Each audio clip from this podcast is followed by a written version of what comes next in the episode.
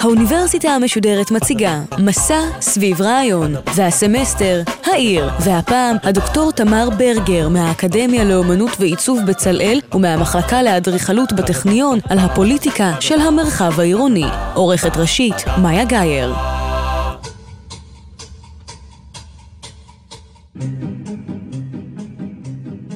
שלום לכם, שלום לכן, שמי תמר ברגר.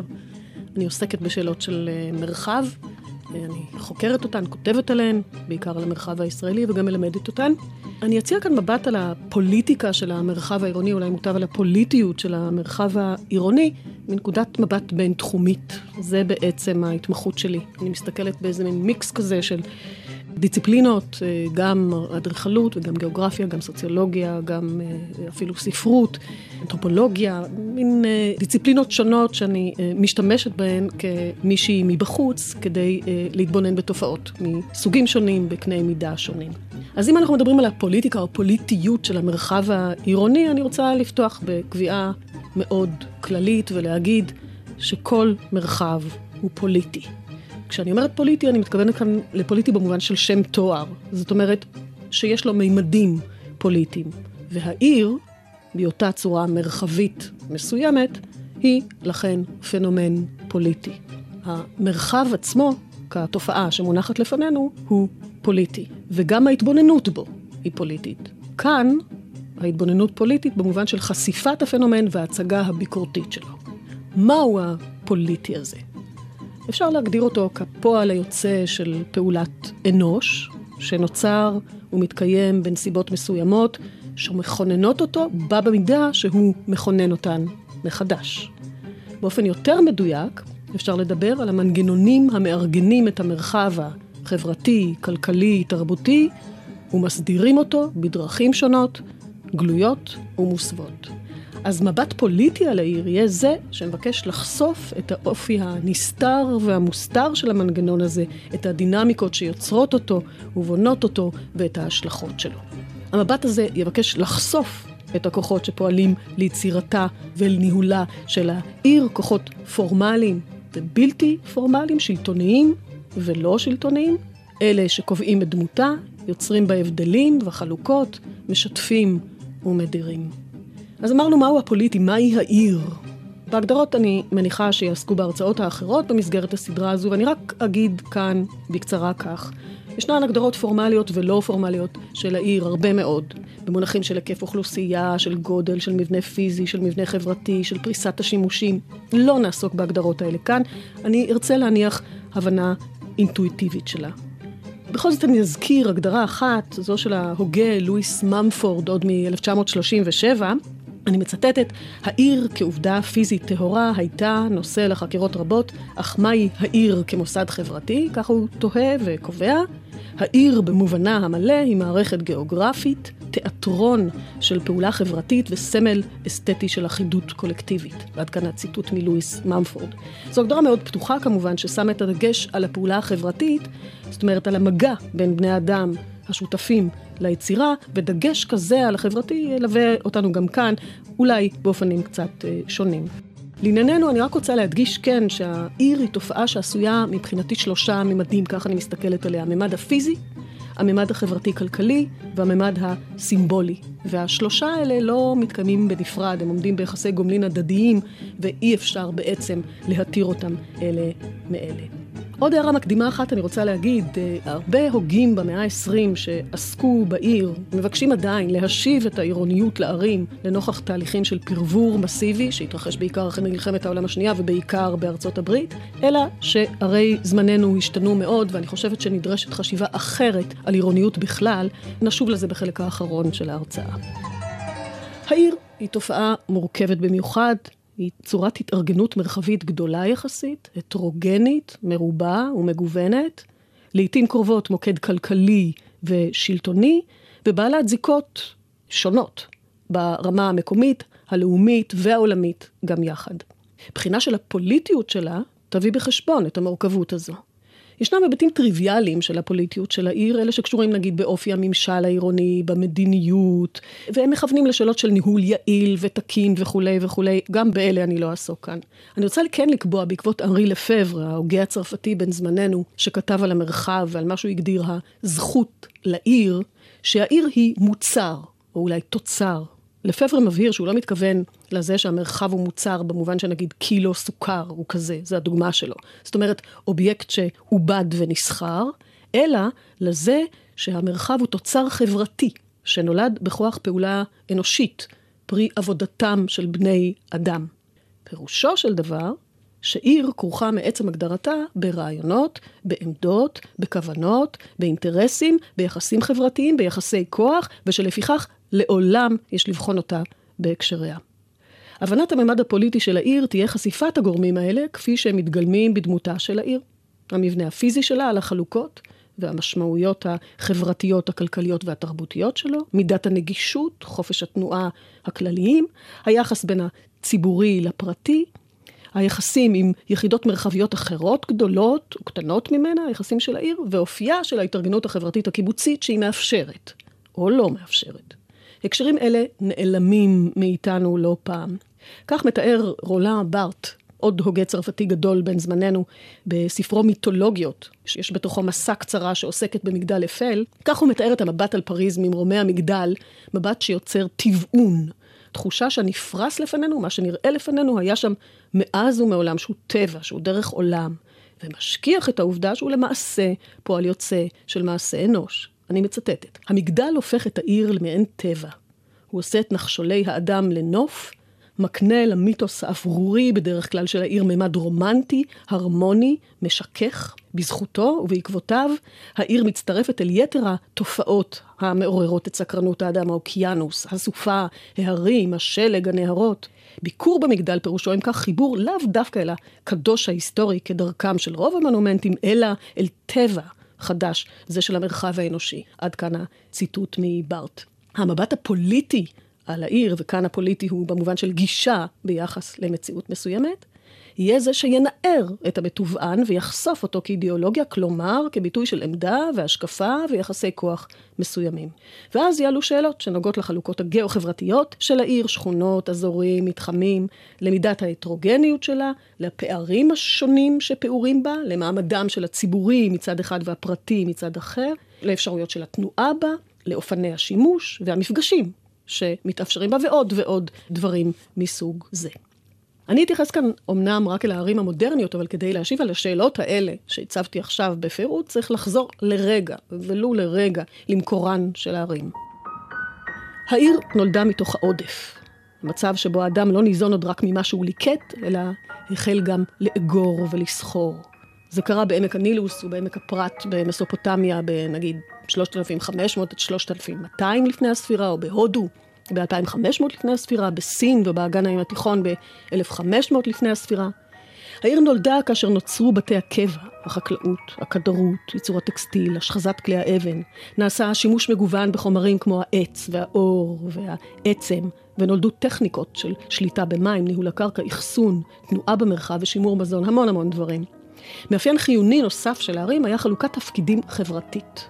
בראשית ימי הערים הרוב נותרו חקלאים, אבל לצידם היו גם סוחרים וכהנים וחיילים, פקידים ואומנים.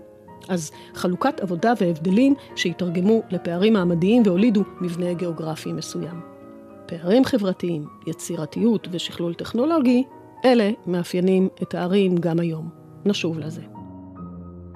העיר המודרנית והעיר הפוסט-מודרנית, שאפשר להגדיר אותה גם התאגידית או הנאו-ליברלית שבהן אני אעסוק כאן, נולדו אחרי שורה של גלגולי צורה שאפשר לתאר אותם במונחים שונים, ותיארו אותם בתיאוריה במונחים שונים. למשל, במונחים של מוקד השליטה המשתנה, מהדתי, דרך המלוכני, האזרחי והדמוקרטי אל היזמי. אפשר לתאר אותם במונחים של שיטות כלכליות משתנות. ויש השקפות שמזהות בתהליך הזה ממד רציף ויציב, שמזוהה עם תחושת שייכות אזרחית, או עם כוח ההשפעה של הציבור. צריך להגיד שכבר בעיר היוונית באה לביטוי השותפות הציבורית בניהולה של העיר. או לעיתים יצירתיות והמצאה, וישנן השקפות שמשייכות להרים תפקיד כפול של שחרור ודיכוי. העיר המודרנית היא פועל יוצא של הנאורות. יסודה במהפכה המדעית, בהנחת יכולת שליטתו של האדם בעולם, כלומר, בטבע ובגורלו הוא, וגם במי שאינו שותף לנאורות ובחריג. במאה ה-20 החל הדיון במחיר הכבד ששילמו הערים ואזרחיהן, ומשלמת האנושות כולה על הפרקטיקה של הנאורות, המחיר החברתי והמחיר הסביבתי. ראוי להתעכב כאן קלות על משמעות המודרניות עצמה שבתוכה נטועה העיר המודרנית. יש סימונים משתנים של נקודת ההתחלה שלה, מהרנסאנס, דרך המהפכה המדעית ועד למאה ה-19, אבל כך או כך, עיקרי האתוס שלה מוסכמים פחות או יותר. הנחה בדבר תבוניותו האינהרנטית של האדם ויכולתו לשלוט בגורלו, הנחה של תהליכיות, כלומר צעידתה הבלתי נמנעת גם היא של האנושות בנתיב מסוים, והנחה בדבר טיבו של התהליך הזה שמוביל בסופו של דבר אל הקדמה ואל הטוב. כאן אני אשים את הדגש על העיר המערבית, המודרנית והפוסט-מודרנית, זה מבט מסוים, מוגבל, לא שלם. חשוב להגיד את זה. המודרניות איננה נכס בלעדי של המערב. מחקרים מצביעים על הזיקות של חברות אחרות, ודאי אלה שהיו נתונות תחת שליטתה הקולוניאלית, אבל לא רק הן. ומגעים בינלאומיים ובין תרבותיים אינם נחלתו הבלעדית של הזמן הזה הגלובליסטי, וגם לא של המאות ה-19 וה-20. הצגה מלאה של המודרניות בהקשרי האורבנים תחייב, לכן, התייחסות גם אל המקרים האלה. הצגה מלאה של האורבניות, בכלל, ובהקשרי הפוליטיים, תחייב הרחבה גדולה מאוד של היריעה. והסיפור שיעלה עם הוספת המימד הזה, החסר, עשוי להיות מאוד שונה. ודאי שבעצם ההערה הזו שאני מעירה כאן אין להשלים את החסר, אבל אני חושבת שההערה הזו כן חיונית לשם נאמנות להגינות המחקרית ולהעברת המבט הפוליטי, הביקורתי, המוצע כאן. אז נפנה עכשיו את מבטנו למאה ה-19. אז הגיע לשיאו תהליך צמיחתה של העיר המודרנית המערבית. המבט הזה יגלה צמיחה אדירה של הערים, גם מבחינת שטחן הפיזי וגם מבחינת האוכלוסייה. הצמיחה הזו קשורה לתהליך המשולב של איור ותיעוש שאפיין את המאה. לונדון, לדוגמה, מנתה מיליון תושבים בתחילת המאה ה-19 ושישה וחצי מיליון בסופה. היא סיפחה אליה עוד ועוד כפרים סביבה ועוד ועוד מהגרים נאספו אליה. למעשה, ניתן לראות גם כיום את סימניה של אותה היסטוריה, גם במבנה הפיזי של העיר וגם במבנה החברתי שלה, אפילו כאשר הן עוברות שינויים במובנים האלה בדיוק, נגיד הריסה ובנייה מאוד מסיבית או תהליכים של ג'נדריפיקציה וכולי. האיור והתיעוש המואצים, תופעות שכאמור הזינו זו את זו, הובילו לצמיחת פערים חברתיים חסרי תקדים. אז נולד מעמד חדש, מעמד הפועלים, שזיהויו הוא גם מרחבי. הגיאוגרפיה של לונדון, בדומה לערים אחרות בנות התקופה, הייתה מעמדית מובהקת, שכונות של פועלים, שכונות של אריסטוקרטיה, ובתווך שכונות של מעמד בינוני עירוני. לקראת סוף המאה, בזיקה ישירה להתפתחות הטכנולוגיה של התעבורה, ובתוכה המצאת החשמלית, נוסדו הפרברים של לונדון וערי התעשייה האחרות. מצד אחד פרברי פועלים, ומצד שני פרברי עשירים שביקשו להימלט מן העיר המצטופפת והתגוררו מחוץ לה, סמוכים דיים כך שיוכלו להמשיך לעבוד ולקנות ולבלות בה. הזיקה הזאת בין הטכנולוגיה לאיור עמוקה מאוד. הקו הראשון של הרכבת התחתית נחנך בלונדון ב-1863. הקמתו טבעה בעצמה טכנולוגיות, למשל של קריאה ודיפון. רכבת תחתית מי שהייתה שם פירושה האצה אדירה של יכולת התנועה בעיר, ומכאן הרחבת תחומה הגיאוגרפי, ויש לה השלכות כלכליות, חברתיות ותרבותיות. כך כמובן החשמל שנכנס לשימוש במאה ה-19, על השלכותיו הגורליות ממש, על התעשייה, המרחב הציבורי, הטכנולוגיות הביתיות, ובעצם אורחות החיים כולן. המאה ה-19 הייתה גם זו של הקולוניאליזם המואץ. המעצמות הקולוניאליות, ובראשן בריטניה וצרפת, עיצבו במידה רבה את חלקי העולם שכבשו בדמותן. באופן כללי, נטייתה של צרפת, הנאמנה לאופייה הרפובליקני, הייתה כופה יותר. היא ביקשה לעצב את המרחב הקולוניאלי בדמותה. בריטניה, לעומתה, התערבה באופן עקיף יותר. עם זאת, אין לטעות. השתיים, בדומה למדינות הקולוניאליות האחרות, ניצלו גם ניצלו את המרחבים שתחת שליטתן, בראש ובראשונה ניצול כלכלי, והשפעתן שם תקפה וחזקה, כידוע ודאי, עד היום, בכל תחומי החיים. בין היתר ניכרו ועדיין ניכרים סימניה בתחום המרחב הפיזי בכלל ואורבני בפרט, הן מבחינת מבנהו הפיזי, הן בדרך ארגונו והן באופן ניהולו. גם בזמננו אנו, שבו ניכרות מאוד במרחב ההשפעות של כוחות אה, חדשים, הכוחות הקולוניאליים התאגידיים, גלובליסטיים. אחד המבטים הביקורתיים המקיפים והעמוקים ביותר על הרי המודרניות הוא זה של ולטר בנימין בפרויקט הפסאז'ים או פרויקט הארקדות, לפעמים כך הוא נקרא שלו. בנימין, ההוגה הגרמני היהודי הגדול, ביקש להבין ולהציג את סיפורה של המודרניות דרך סיפורה של פריז. הפרויקט לא הושלם.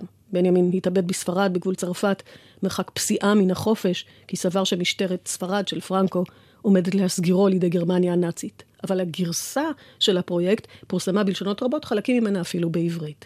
בפרגמנטים והמסות הקצרות שמרכיבות את מארג ההתבוננות שלו, בוחן בנימין את העיר בזיקותיה המשולבות, הפיזיות, אדריכליות, טכנולוגיות, חברתיות, פוליטיות ותרבותיות.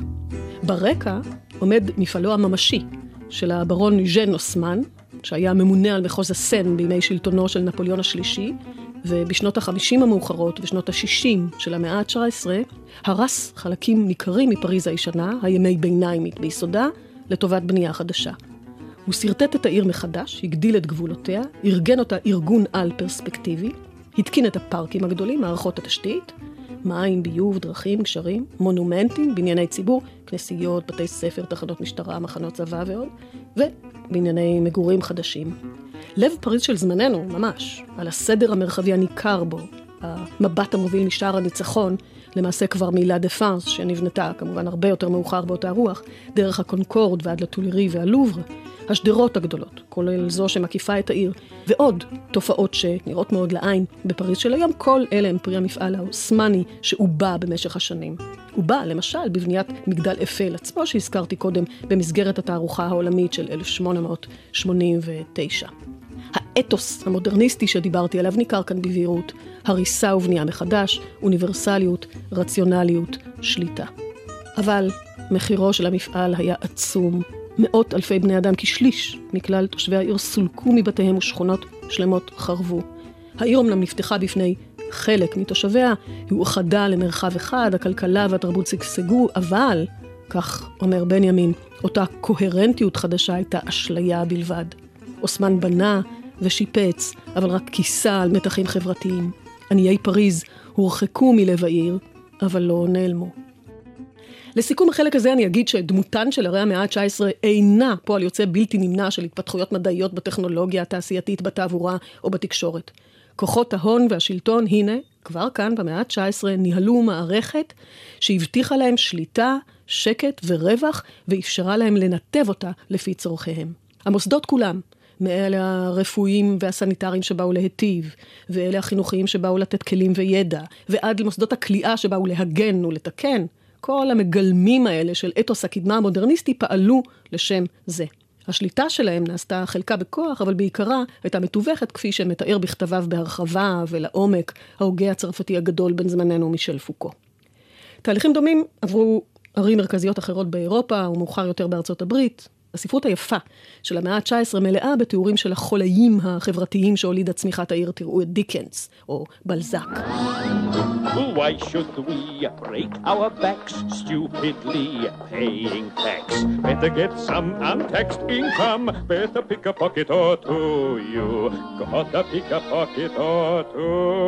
Why.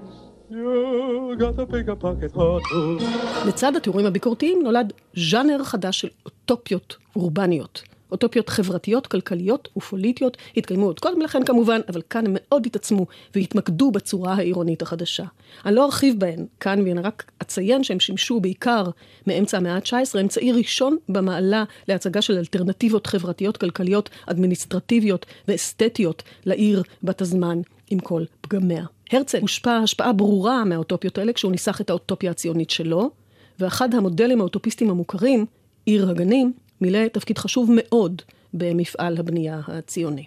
פרויקטים כאלה גדולים של הריסה ובנייה מתקיימים עד היום. בסין למשל, שם נהרסים חלקים שלמים של כפרים וערים לטובת מה שמוגדר פיתוח. מכאן לפחות נדמה שהמהלכים האלה לא מעוררים דיון פוליטי ביקורתי, אולי כי הוא לא לגיטימי. יוזמות דומות במערב דווקא מעוררות דיון, מועיל או חסר תוחלת, גם בהיבטים שלא העסיקו כלל את אנשי המאה ה-19, אלה המורשתיים והסביבתיים. זה שני מושגים שנכנסו לתוך השיח האורבני במאה ה-20, בעיקר במאה הזו. הדיון סביב המורשת שהוליד את מדיניות השימור לסוגיה, הוא חדש יחסית, הוא כבר ממוסד דיו, כולל ארגונים בינלאומיים שעוסקים בו, דנים בו וקובעים את כלליו. הדיון הזה מעלה שאלות מורכבות של אתיקה ושל סדרי עדיפויות, כלומר, שאלות פוליטיות למהדרין. בדומה לכך הדיון הסביבתי, שצירו הוא הקיימות, כלומר מחשבה על פעולה המביאה בחשבון את הדורות הבאים, והוא נע בין התמקדות בשמירה על ערכי טבע למחשבה רב-מערכתית, שכוללת ללא הפרד גם את ההיבטים החברתיים. גם כאן, אופן ניסוח הבעיה ודרכי ההתמודדות איתה מניחים בהכרח הכרעות אתיות, סדרי עדיפויות חברתיים ועמדות אידיאולוגיות בכלל, ולכן גם התחום הזה הוא פוליטי עד לשד עצמותיו. נחזור לפריז. בקצה האחר של המודרניות במאה ה-20 עומד האדריכל וההוגה לקורבוזיה, שם שהוא אימץ לו, הוא נולד בשם שרל לדואר ז'נרה, למשל עם פרויקט העיר בת זמננו לשלושה מיליון תושבים שלו מ-1922, שאפשר להגדיר אותו אוטופיה אדריכלית אורבנית. העיר בת זמננו של לקורבוזיה עשויה גריד, כלומר שתי וערב, של רחובות רחבים מאוד, רחובות משניים שנחצים מצידם בידי רחובות אלכסוניים ויוצרים יחידות שטח גדולות שעליהן ניצבים גורדי שחקים. גורדי השחקים האלה פתוחים ומאוהרים, ולצידם יש מקבצים של בתים נמוכים. העיר הזו מאוזרת מאיזור, זונינג. זאת אומרת, יש בה חלוקה ברורה לאזורי שימוש, כשהמגורים במרכז ויתר השימושים בשוליים. הכבישים מאוד רחבים, רב-שכבתיים, זאת אומרת, יש כמה רמות של כבישים, וכמוהם גם מסילות הברזל ומטוסים חגים בעיר הזו. בתוכנית אה, יותר מאוחרת שלו, שנקראת פלאן וואזה, תוכנית וואזה, מ-1925, לקורבוזיה הציע להרוס חלקים ניכרים מהעיר, מפריז, לטובת בנייתה מחדש, ולטעת בה את אותם גורדי שחקים בין כבישים רחבים ופארקים עצומים, ומאוחר יותר הוא הציג עוד פרויקט שנקרא העיר הקורנת, La Ville Radieuse, שעקרונותיה דומים. התוכניות מאורגנות בסדר גיאומטרי מובהק כדרכן של אוטופיות מרחביות ומזכירות במידה רבה את המבנה של פרברים אורבניים או אקסאורבניים בני זמננו. המגדלים לא היו פרי דמיונו של לקורבוזיה. בערי ארצות הברית, ניו יורק, שיקגו, פילדלפיה, דטרויט וסנט לואיס, היתמרו מגדלים כבר מסוף המאה ה-19. בנייה לגובה יחסי הייתה אמנם גם בעולם העתיק והישן בכלל, חלקה אפילו למגורים, אבל רק לאחר המצאת הבטון המזוין ב-1848, המעלית ב-1857 והשימוש בפלדה בבנייה, נבנה גורד השחקים הראשון בשיקגו ב-1885. הנה שוב מתברר עומק הזיקה בין דמות הערים להתפתחויות הטכנולוגיות, ואני חוזרת ומדגישה שההתפתחויות האלה אינן עומדות בפני עצמן, צריך לקרוא אותן קריאה קונטקסטואלית. התופעה שהחלה בארצות הברית התפשטה במהלך הדורות הלאה, והיום היא מאפיינת את מראה הערים בכל מקום כמעט על פני כדור הארץ.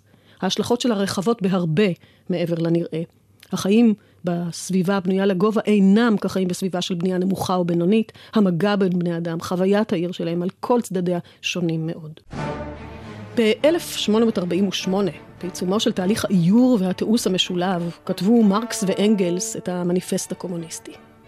הבורגנות הכניעה את הכפר לשלטונה של העיר, ככה הם כתבו. היא הקימה ערים גדולות ועצומות, הגדילה במידה רבה את שיעור האוכלוסייה העירונית לעומת הכפרית, ונמצאה עוקרת חלק ניכר מהאוכלוסייה מן הטמטום של חיי הכפר. עד כאן הציטוט. העיר היא אחת במניין הישגיה הפנומנליים של הבורגנות שמתארים מרקס ואנגלס במניפסט, אלה שיביאו לפי הערכתם את חורבנה. תיאורם, התיאור שמציעים של המגמות האלה של כלכלת זמנם וההשפעות החברתיות והפוליטיות מאוד מרשים בזה שהוא מטרים את מה שכונה יותר ממאה שנים אחר כך הגלובליזציה. הגלובליזציה, מונח שמלווה אותנו פחות או יותר משנות ה-70 של המאה ה-20, היא תופעה רב-מימדית, כלכלית, חברתית, פוליטית ותרבותית. בין היתר היא הולידה צורות אורבניות משלה, ואולי מוטב לומר שהעצימה מאוד את הצורות המודרניסטיות הקיימות. זו העיר התאגידית הניאו-ליברלית, הפוסט-מודרנית, הפוסט-קולוניאלית, הווירטואלית, אולי למעשה פוסט-אורבנית, והמאפיינים האלה אני מיד ארחיב בכל אחד מהם. המראה מוכר לנו, מגדלים גבוהים מאוד, מתחמי מגורים, פרבור מסיבי והתפרסות במרחב לצד מרכוז מגדלי. ביזור גדול, חברתי, של השימושים, ומרכוז גדול, מקבצי שימושים ממורכזים.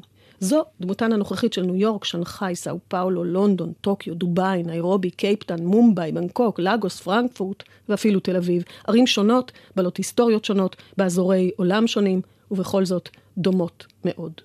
העיר תאגידית ניאו-ליברלית במובן זה שהכוחות המניעים אותה, היוזמים ומנהלים אותה, הם במידה רבה כוחות כלכליים מרכזיים ולא עוד הכוח הפוליטי המדינתי. כוחות ההון ולא עוד המדינה. אין פירושו של דבר שהיא חופשית, יותר להפך. כוחות ההון נתונים אמנם תחת רגולציה ברמות משתנות, אבל הם אינם נבחרים ואינם חייבים למסור דין וחשבון מלא על פעולותיהם שלא כמו המדינה, שעומדת למבחן על מעשיה. עניינם הרשמי אינו ייצוג חברתי, וודאי שאינו להיטיב עם האזרחים. השאיפה הזו אמנם עשויה להניע אותם, אבל רק במידה שהיא תשתלם להם, שהיא תיטיב איתם. העיר בת זמננו היא פוסט-מודרנית, פוסט-קולוניאלית, במובן זה שאוכלוסייתה מגוונת מבחינה לאומית, אתנית, דתית ותרבותית. היא בנויה על תנועה חסרת תקדים ועל הגירה חסרת תקדים שמאפיינת את המאה הנוכחית, אבל צריך להגיד החלה למעשה כבר במאה שעברה. היו תנועות גדולות של הגירה במאות הקודמות, אבל לא אינטנסיביות ומגוונות כמו זו. האם פירושם של ריבוי וגיוון אלה גם עירוב ושילוב והשפעות מרובות? במידה מסוימת בלבד, מוגבלת מאוד. בני אדם נעים כולם, אך תנועותיהם שונות מאוד. קלות ופשוטות לחלקם, מלאות מכשולים ומהמורות לאחרים. וגם בהגיעם, מיקומם שונה בתכלית. ישנם אלה הממוקמים בנוחות, ולעומתם מי שקיומם במקומם זמני, ארעי, תלוי על בלימה. פליטים, מהגרי עבודה. הקולוניאליזם המעצמתי בשעתו, וזה הכלכלי-פוליטי של זמננו, מחולל תנועה, אך מותיר את המבנה ההיררכי והפערים בין בני אדם על כנם, ואפילו מעצים אותם. בהקשר זה, אני רוצה להזכיר מונח שחוזר בתיאור ערי זמננו, עיר העולם. את המונח טבעה סוציולוגית חוקרת הערים ההולנדית ססקה סאסן ב-1991, והוא משמש מאז חוקרים באופנים שונים. הערים האלה, הממוינות לעיתים מיון היררכי, משמשות מרכזים כלכליים, מנהליים, תקשורתיים, תחבורתיים ותרבותיים של אתרים המצויים מעבר למרחב הלאומי אליו הן שייכות.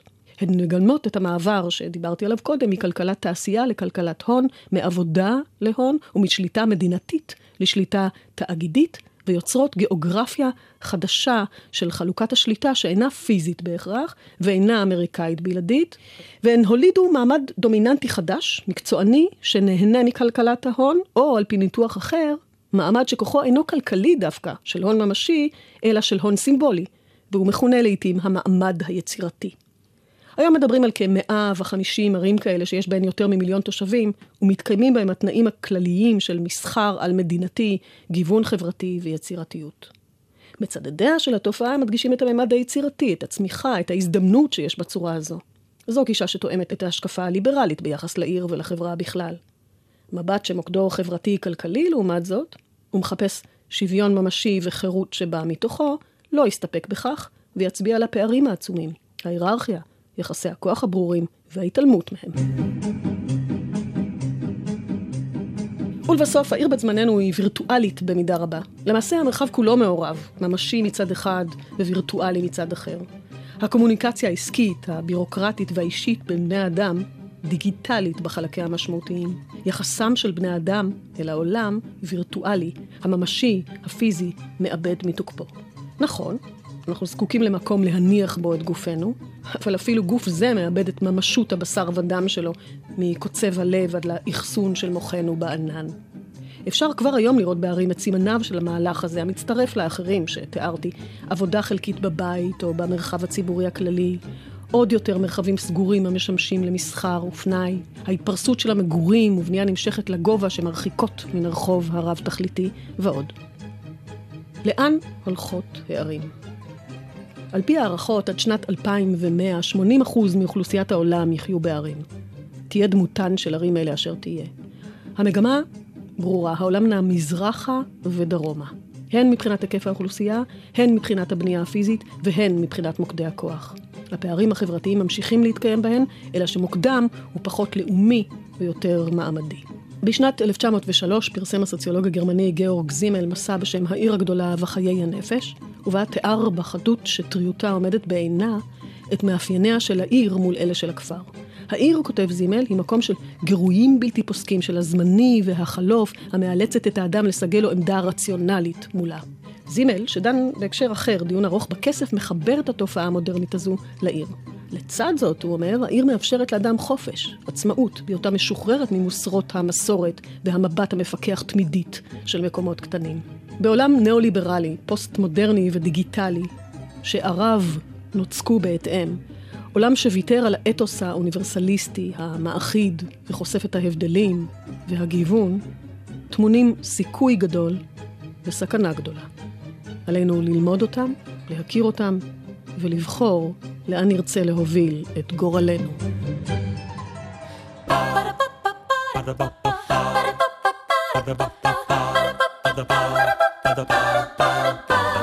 האוניברסיטה המשודרת, מסע סביב רעיון. הדוקטור תמר ברגר מהאקדמיה לאומנות ועיצוב בצלאל ומהמחלקה לאדריכלות בטכניון על הפוליטיקה של המרחב העירוני. עורכת ראשית, מאיה גאייר. עורכות ומפיקות, אחינועם קפון ונעמי שלו. מפיקה ראשית, אביגיל קוש. מנהלת תוכן, מאיה להט קרמן. עורך הדיגיטל, עירד עצמון שמייר. האוניברסיטה המשודרת בכל זמן שתרצו באתר וביישומון של גל"צ וגם בדף הפייסבוק של האוניברסיטה המשודרת. Schuderet.